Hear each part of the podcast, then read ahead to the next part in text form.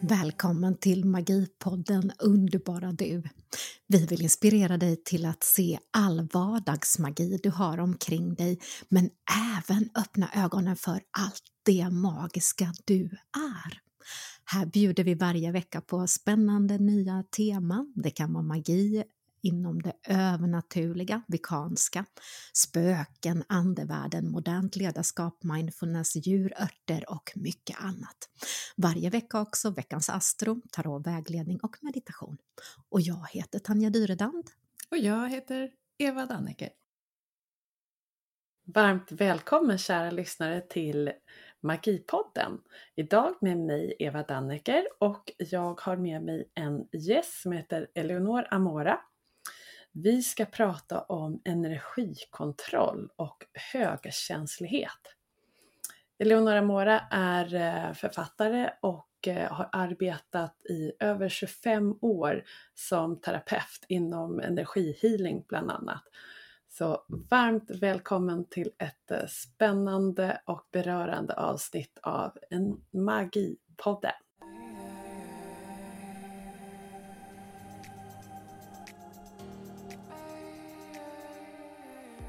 Och jag tänkte att eh, Eleonora Mora, du kan väl berätta lite mer om dig själv. Vem är du? Hej och tack så jättemycket för att jag får vara med. Jag älskar ju att prata om allt jag tror på, allt jag brinner för. Eh, och den jag är, jag är eh, mamma. Jag är här för att förändra världen brukar jag säga lite kortfattat sådär. Eh, sättet jag gör det på är att jag arbetar bland annat som andlig lärare. Jag har jobbat på heltid eh, som andlig lärare i 14 år i mitt eget eh, företag.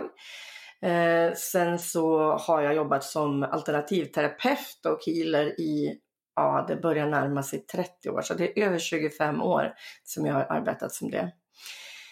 Eh, dessutom så är jag coach inom det här andliga. Eh, där jag alltså hjälper människor att komma förbi och genom olika mönster som man har, olika, olika energimönster, olika tankemönster med mera, med mera. Ehm, och där lär ut om energikontroll bland annat. Mm. Eh, dessutom, eftersom jag har inga gränser när det rör saker jag älskar att göra, eh, så har jag bland annat ett bokförlag och en, eh, ett tempel där jag alltså håller på med, med lite mer trosåskådningar och liknande. Men oj vad spännande! Du har verkligen jättemånga strängar på din lyra. Tack! Ja, det har jag. Ja, ja, och idag tänkte vi att vi skulle fokusera på just energikontroll och eh, högkänslighet. Mm. Jätteroligt och jätteviktigt. Eh, orsaken till att jag tycker att det är så viktigt just där med högkänsligheten eh, det är ju för att det är väldigt många inom våran andliga spirituella värld som kännetecknar sig som högkänsliga. Ja. Mm. Vad skulle du säga är liksom högkänslighet? Eh, vad lägger du in i det begreppet? Mm, jag brukar faktiskt säga att högkänslighet är ett paraplybegrepp. Eh, för olika egenskaper, olika personligheter som till exempel indigo, kristallbarn och liknande. För att för mig, när man börjar benämna det som hög känslighet, då blir det nämligen mot överkänslighet. Att man har låtit sin känslighet eh, gå in så att den har blivit negativ. Eh, som till exempel empater och liknande, att det blir på det sättet att du inte längre kan kanske hantera din känslighet, att du inte längre kan uh, umgås med människor på samma sätt. Man kanske inte kan uh, vara ute i folksamlingar. Man kanske till och med måste begränsa var man arbetar. Uh, och därför brinner jag så mycket för det här just för att förklara att den här känsligheten som vi alla har som, som känner igen oss i det här att det är en styrka och att man inte ska låta det gå så långt så att det blir en överkänslighet så att det påverkar oss negativt. Ja. Vad, vad kan man ha för, vad finns det för varningstecken att se upp med om man är på väg åt det hållet? Att det blir en överkänslighet då? Mm. Eh, typexempel, det är utmattning. Mm. Utbrändhet, eh, depression. Eh, den här känslan där man är helt dränerad. Eh, och faktiskt också just för empater som är aktiva utövare så skulle jag vilja säga att när de inte längre kan kontrollera sin medialitet, när vi touchar i mot mediala psykoser och liknande, kundalini-psykoser och sånt. Och det är mycket det som jag jobbar, mm, jobbar med som mest, att helt enkelt lära människor att få tillbaka den här kontrollen och förstå att man, man kan vara både, både känslig och, och leva ett vanligt liv.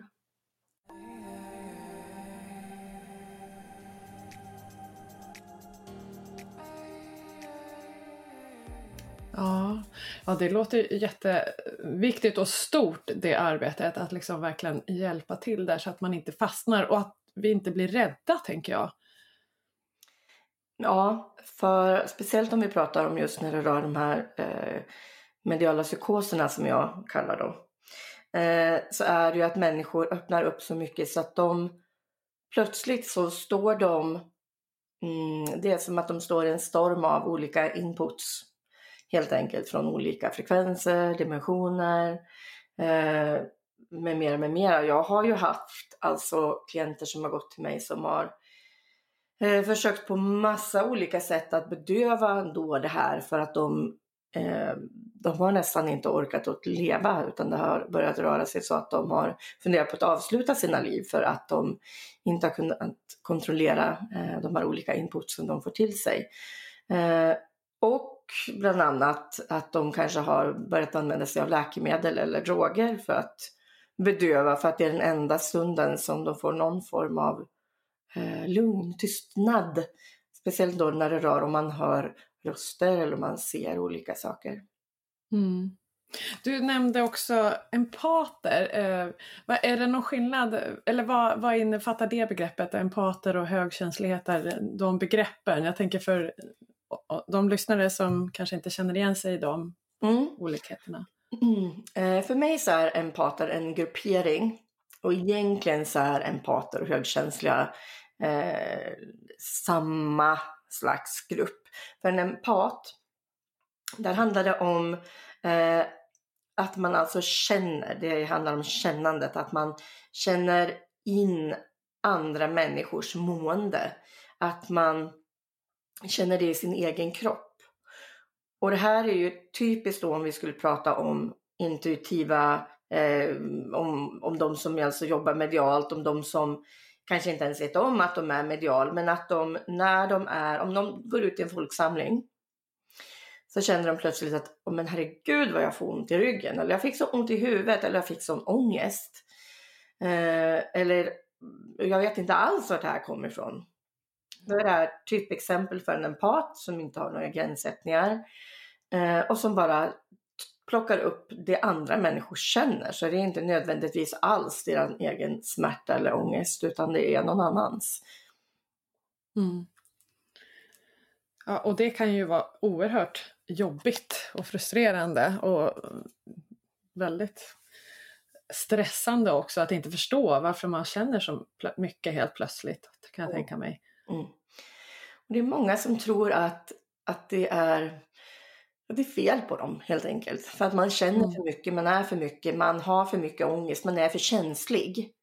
Mm. Det är ofta här, vi får ju ofta höra det att nej men du är, du är för känslig, du tar på dig för mycket.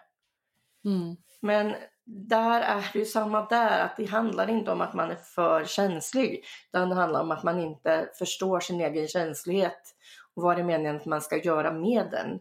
För, att för, som, för som mig som healer till exempel, eller coach, för jag arbetar ju väldigt mycket med att skanna människors energisystem samtidigt som jag coachar. Eh, där är ju just den här förmågan, den här känsligheten, det är ju min superpower. Det är ju där jag verkligen fångar upp alla de här olika nyanserna hos andra människor. Ja, då glider vi in lite grann på det här med energikontroll. Mm. Kan du ge lyssnarna något tips på hur dels hur man kan känna igen sig som högkänslig eller empat, men också tips på hur, hur vi kan hantera det och eh, kontrollera energier? Mm. Eh, för det första så behöver man förstå att vi har en fysisk kropp. Men vi har också ett energisystem som är eh, sammanbundet med den fysiska kroppen. Alltså du har ett energisystem, du har energifält, du har en aura. Eh, och det många inte förstår, eh, det är det att man faktiskt kan, eh, på samma sätt som vi kan kontrollera våra kroppar genom att vi kan styrketräna, vi kan tänka på eh, vad vi äter, vi kan konditionsträna, vi helt enkelt tänker på att sköta om våra kroppar. Så finns det även en hygienaspekt i själva energifältet också där det alltså handlar om att lära sig att kontrollera det. Eh, I mycket så handlar det om att man faktiskt lär sig att sätta tydliga gränser. Och många av oss i det andra, vi har fått lära oss där att okej, okay, men då sätter vi ett skydd kring vårt fält och sätter vi en bubbla kring fältet. Eller så tror de det att ja men stäng av, stäng mina chakran, stäng, slut ihop dem så att inte jag ska eh, känna olika saker exempelvis. Ja. Problemet är att det här är, eh, funkar inte. För att eh, även om du stänger chakran, för det första, du kan inte stänga dina chakran. chakran det är ungefär som att jag, du skulle säga att ja, men okej, då slutar jag andas. Mm. För det kommer De alltid är alltid vara, där. ja. mm, det kommer alltid vara ett flöde i våra chakran. Eh, däremot så blir det blockeringar om vi sitter och håller på och trycker ihop dem och sånt där. Eh, plus att om vi sätter en, en, ett skydd kring vårt fält så ja, jo, till viss del kan man säga att det kan funka. Det kan ju göra att det blir en gräns som känns tydlig. Men eh, jag brukar säga så här att om det regnar och du tar på dig en regnrock mm. så funkar ju den bara om du inte håller på och stoppar ut alla armar och ben utanför regnrocken, eller hur? Ja, precis. Mm. Eh, på det sättet funkar det även det här för att om du sätter ett skydd kring ditt fält men du är sen utanför ditt fält med din tanke och ditt medvetande.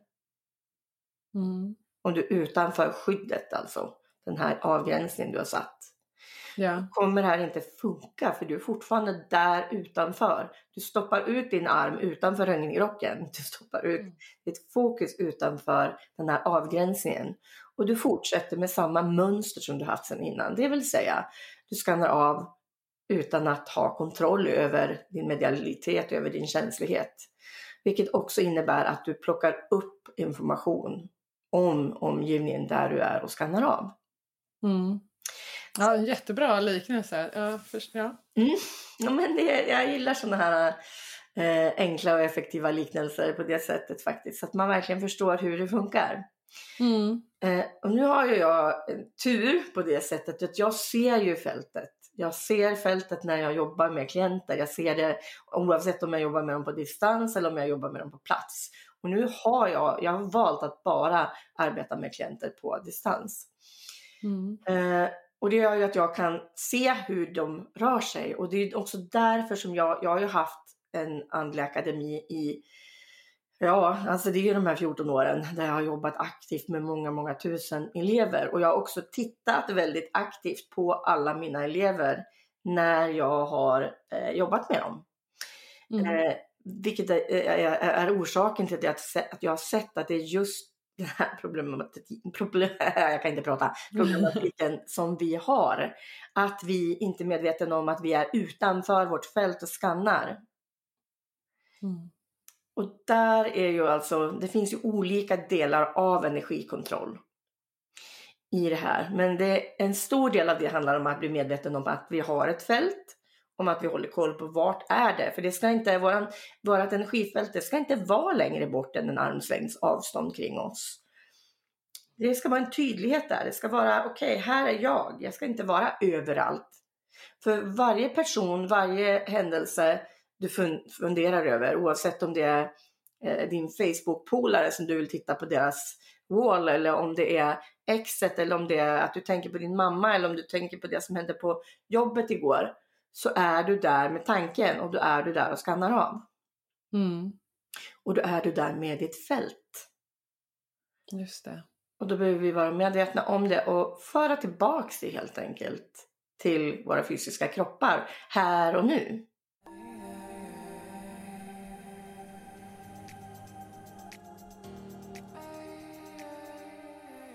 Jag tänker så här, åh vad det är lätt att fara iväg i tanken till, till just de här exemplen du tog upp. Eh, nära och kära eller man, man går eh, längs en, en, gata och man ser vad som händer längre fram eller vad man just passerade och så oerhört lätt att bli, bli kvar på, långt, långt utanför oss själva. Mm. Eh, och det är precis som du säger, det är lätt att man gör så. Speciellt om man inte vet vilka följder det får att alltid vara utanför på det här sättet. Mm. För att av alla mina klienter som är utbrända så är de inte i sina fysiska kroppar. Vi har alltså, det finns ju olika benämningar, det finns ju olika disassociativa tillstånd där man också inte känner sig i sin kropp, där man inte är i kroppen. Mm. Uh, och jag tror att skulle fler och fler bli medveten om de följdverkningar det här får så skulle man bli jäkligt noga med att faktiskt komma tillbaks till sin kropp.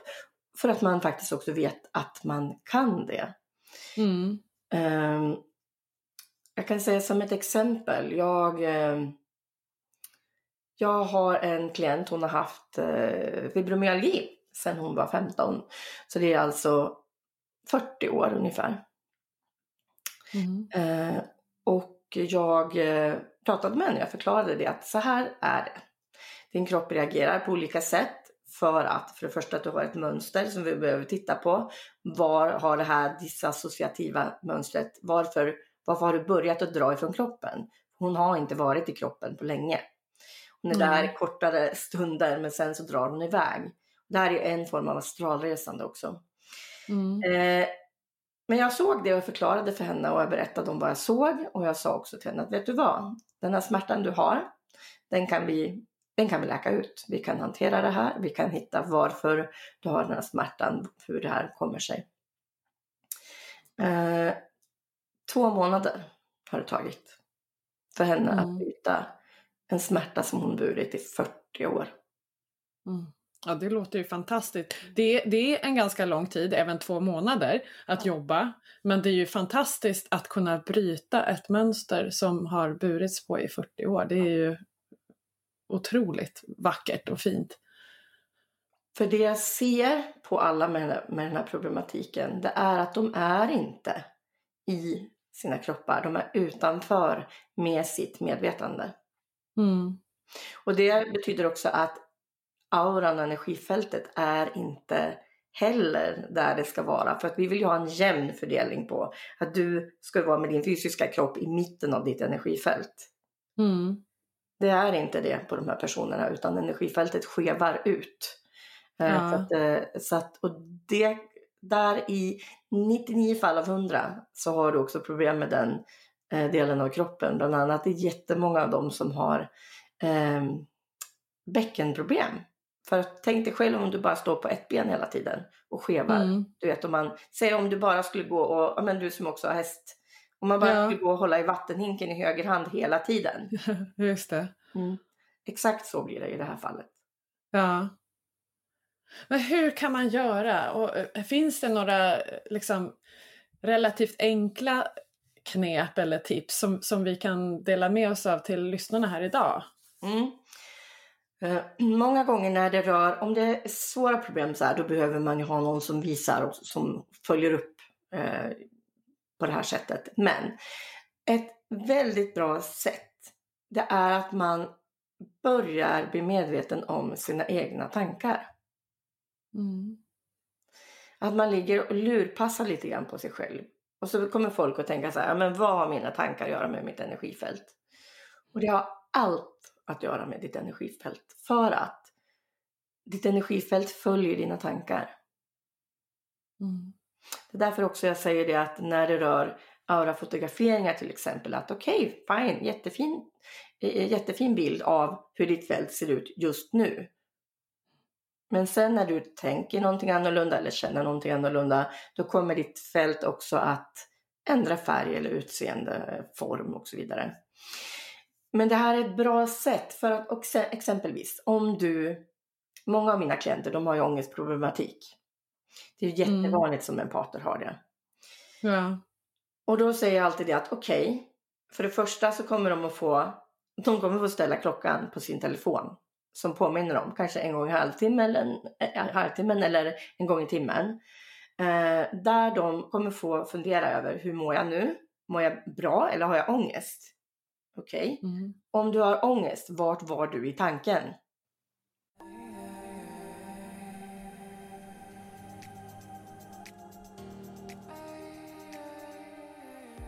Och hur bryter man då en tanke? Mm. Ett jäkligt enkelt sätt att göra det på, det är att man byter ut det mot en neutral. Och nu vill jag också undersöka att jag var sjukskriven i tio år för utbrändhet och depression. Mm. Jag har skrivit i flera böcker om när jag försökte ta mitt eget liv. Eh, och det här är ju, det är därför också som jag vet att det här går. Man kan bryta de här tankemönstren. Och säg då att du har en ångestsnurra som du är i. Att du hela tiden tänker om och om och om igen samma ångestgrej. När du blir medveten om den, ja det är klart att det kan ju vara svårt att gå in i det här ljus och kärlek hela det köret. Eller bara mm. tänka positivt. Men det man gör då det är att man aktivt, man måste nypa den där tanken. Man bara väljer att nej, jag tänker avsluta den här nu. Och jag tänker tänka en annan. Och är det svårt då att tänka det här, ja men kärlek och blommor och allt.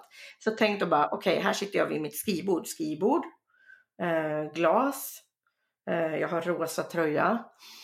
Vad som helst av det kring dig som du kan tänka på istället är bättre än att du tänker på den här ångestsnurran av tankar du tänkte på innan. Mm. Och själva idén med det här, det är just att man avslutar den tanken man var i, den här negativa. Och det här är en del av energikontrollen, just det att man är medveten om, för det första att man är medveten om att man kan att man äger sina tankar, att du kan kontrollera, att du kan välja att tänka på någonting annat. Mm. Eh, och då att man faktiskt kan välja att komma tillbaks till kroppen här och nu. Mm. Och det är också en sån här bra och enkel övning. För att jag kan säga att i 99 fall av 100 även där när du har de här att du går in i ångest eller känner de här jobbiga andra känslorna och du känner att du har tappat kontrollen på fältet. Då är du ju inte i fältet alls. Då är du inte i din kropp alls alltså. Mm. Då är du inte där. Och då kan det räcka med att man, att man rör, alltså man vidrör kroppen. Okej, okay, så att man kan stryka över handen liksom, ja. eller ta sig på armen eller någonting ja. sånt där. För, för om jag skulle säga till dig att tänk inte på en elefant. Mm. mm. Då tänker jag ju på en elefant. yes. Och samma sak är det här. Tänk på att okej, okay, jag stryker min kind. Jag lägger märke till att min kind, det, det kittlar lite grann. Ja, det blir lite kittligt eller det blir lite varmt. Eller har jag varit ute med hästarna, om det kanske blir kallt när jag stryker min kind. Mm. Men mitt fokus är på känslan i kinden. Mm. Vilket innebär att jag är där med tanken, vilket innebär att då är jag tillbaka i min kropp igen. Mm. Ja, det är ju ganska enkelt, mm. tänker jag. Det här med att eh, stanna upp och tänka efter på vad jag tänker eller att stoppa tankar som, som ger ångest eller som gör att vi flyger iväg. Det kan jag tänka mig kan vara lite mer utmanande innan man får kläm på det, att, att göra det regelbundet och som du säger så härligt, liksom det här, man lurpassar lite på, på ens tankar. Eh, det, det kan vara lite knepigt men, men eh, hur, har du några bra tips på liksom, lite mer om hur man kan bli observant på tankarna? Mm. Mer än att ställa klockan. Det är egentligen att varje gång som du inte har, eh, som du inte har en positiv känsla, som du inte mår bra, du behöver mm. tänka på vad det är du tänker på. Ja. Du behöver bryta tanken. Eh, där är det intressant också för det finns ju alltså forskare som har forskat på att när du är i ett ångesttillstånd, när du är i ett depressivt tillstånd så blir det alltså olika eh, nervbanor kan man säga, energibanor i, i hjärnan som blir aktiva. Och när du väljer att avbryta och dra tillbaks den där tankesnurran då är det som att de där som du tidigare har gått in i, den snurran, det växer igen. Mm. Och du skapar alltså ett nytt mönster, en ny väg för tankarna att gå istället. Mm. Eh, jag, tyck, jag, tycker det är så spännande för eh, jag tror att det var eh, ja, vad heter hon, Brandon Bass mm. som sa det här, vart hän en tanke går, en kemikalie följer i dess spår. Mm. Jag är inte säker på att det var hon som sa det egentligen från början, men de orden tycker jag är väldigt kloka. Och det tangerar lite det vi pratar om nu. Mm. Och det, det stämmer väldigt, väldigt väl. Och där går mm. det liksom dra, dra in alltså hela köret där. Att vad, vad, är det, vad är de här gladkemikalierna med mer med mera i kroppen? Uh, mm. Och vilka är det som vi sätter igång om vi går in i rädsla? Och så vidare. Mm. Så att, uh, och det här är såklart att är du, är du väldigt mycket ångest och liknande som empat och du känner av väldigt mycket kring din omgivning, då är det såklart att det tar ju lite mer tid att lägga om de här tankarna. Mm.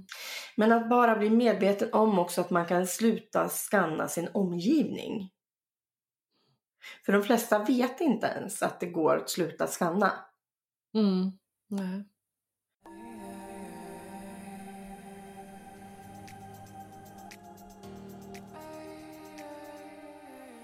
Men eh, det är ju också ganska naturligt att vi gör det, så var går gränsen egentligen? För att när vi kommer in i ett rum så gör vi ju det och då far vi ju iväg ganska långt utanför oss själva och just känner av omgivningen och tar in stämningen i, på jobbet eller i mataffären eller ja, på, på en middag eller i familjen och så. Um, vad, vad, är ditt tips där då när man kommer in i nya, eh, ja, i sammanhang där det faktiskt är flera människor som man gärna skannar av lite grann? Uh, är det verkligen naturligt? Eller är det ditt naturliga? Eller är det klientens naturliga? Ja, mm, för att det jag kan säga där, det är att alla som har det här mönstret av att skanna av de har ett mönster av medberoende och de har ett mönster av att ha olika taskiga relationer i sin ryggsäck. Mm. Eh, ofta har de haft olika relationer med narcissister som har gjort att man alltså inte känner sig trygg innan man har skannat av sin omgivning. Mm. Mm. Eh, och det jag då har lärt mig under mina år, det är att du kan bryta även det här mönstret. Mm. För att du blir trygg i din kropp, du blir trygg i din förmåga. Eh, du behöver inte längre skanna av varje rum, varje omgivning, varje möte, relation du, du har. För att det är ju det här också, det går åt jättemycket energi att hela tiden omedvetet skanna av sin omgivning. Mm. Mm. Och speciellt... Jag kan tänka mig att det kanske är någon som undrar nu, men var går gränsen då? Att eh, mellan att skanna av på ett så att säga, negativt sätt eller att göra det på ett positivt sätt. Att man känner att man är en, en bra eh, eh, kompis, arbetskollega, eh, förälder eller så. Att man liksom, ja, finns det någonting där som du... När du inte kontrollerar det så har du gått över gränsen redan. Ja. Det är just den här medvetenheten. Vad sa du? Det är just den här medvetenheten. Mm. Mm. För att det är då som det blir hela tiden okontrollerat. Och då är vi hela tiden över gränsen, för då skannar vi av alla, alla kommunikationer, alla, oavsett om det är våra Facebook-mail eller om det är våra eh, folket på mötet och liknande. Och grejen är den att jag jobbar ju på en väldigt hög nivå med det här själv. Att skulle jag gå och skanna av alla hela tiden, alltså jag har ju haft min utbrändhet. Det finns Mm. en orsak till varför jag inte längre är utbränd. Och det är för att jag har slutat att skanna av när jag inte jobbar eller när jag inte väljer att skanna. Mm. Ja, och, och jättekloka ord och så viktigt också. Och just den här, ja, eh, att man gör det medvetet, att, att du väljer när du ska göra det också. Att man liksom, du, du har alltid ett val. Mm. Det är precis på det sättet. Och just det här valet, det är det som är A och O för, för människor som inte mår bra. Att man kan välja. Och att jag brukar säga det ibland när jag har, när jag har haft någon klient som är väldigt, väldigt negativt påverkad. Och när jag kan Mm. förklara att, vet du vad, du, du kan också vara mugglare. Du vet, Ja. Att det finns liksom, vi kan, vara, vi kan välja när vi skannar, när vi går in i våran, våran känslighet. När jag är ute där och känner in eller när jag kommer tillbaks och kan vara en mugglare i kroppen och jag kan gå ut och äta på restaurang utan att känna alla andra gästers känslor. Mm. För att annars jobbar vi dygnet runt. Mm. Ja, precis.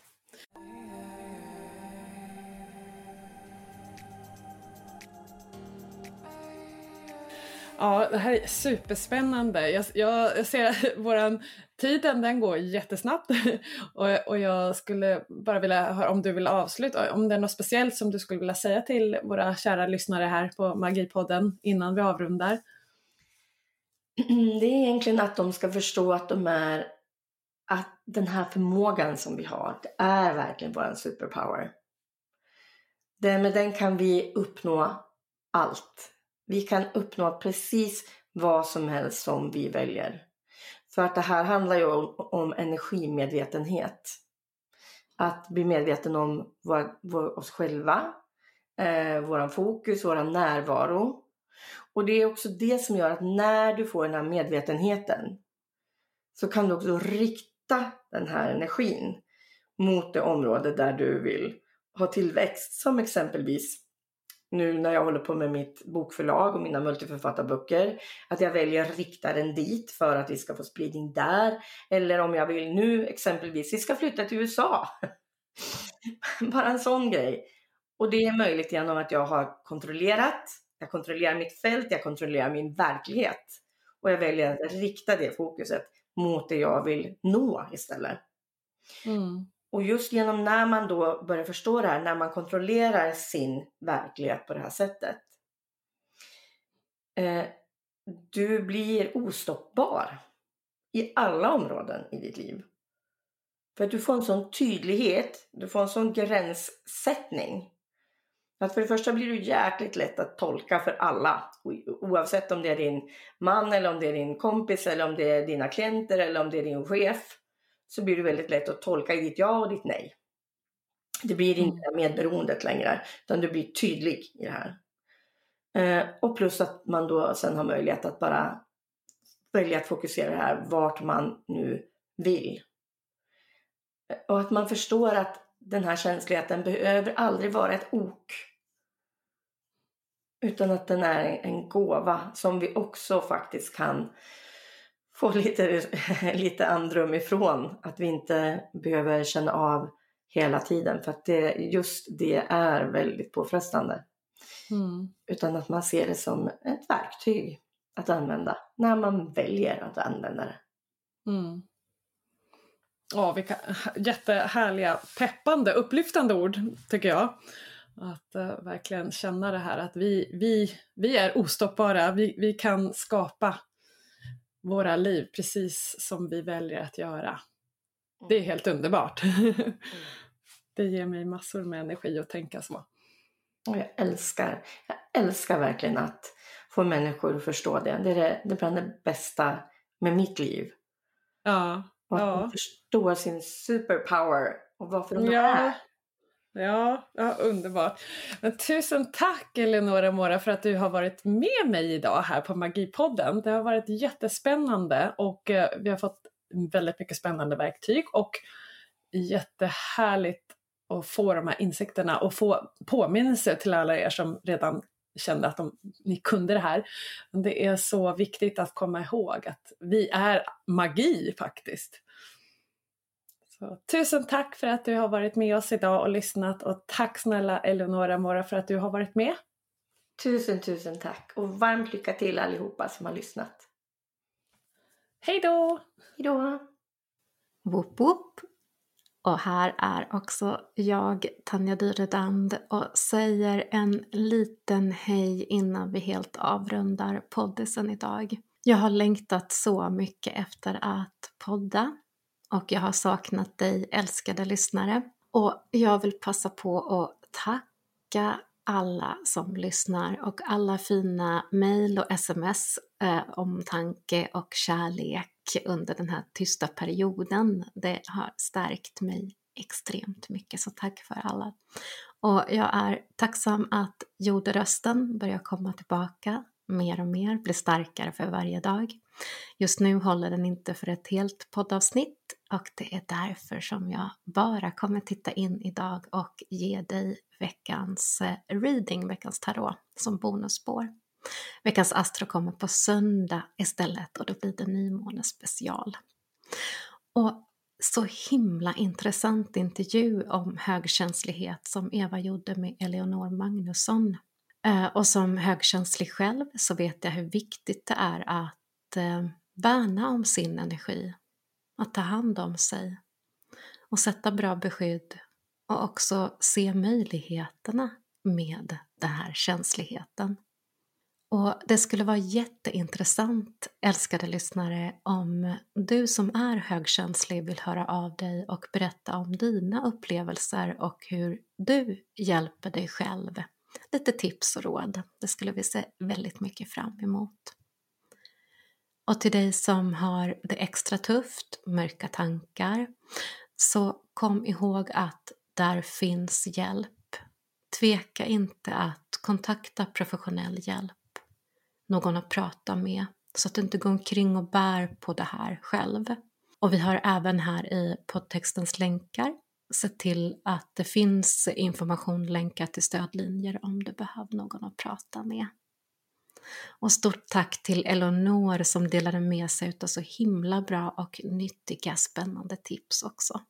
Och jag saknar såklart att podda också med Eva. Det är så härligt att höra hennes röst, även om jag har funnits här vid sidan om i min tysthet och hjälpt till och klippt och fixat i ordning podden sen så saknar jag såklart att prata med Eva. Men det gör jag nästa vecka. Nästa vecka hoppas jag att rösten är så stark att Eh, vi kör ett helt poddavsnitt. Och eh, som sagt var, veckans bonusspår med veckans reading kommer, eh, så missa inte det. Och jag passar på att önska dig en, en riktigt god, magisk, härlig vecka. Och så hörs vi på söndag med nymåne i väduren, spännande tecken. Så ha det bra och kom ihåg att du är magi. Woop woop!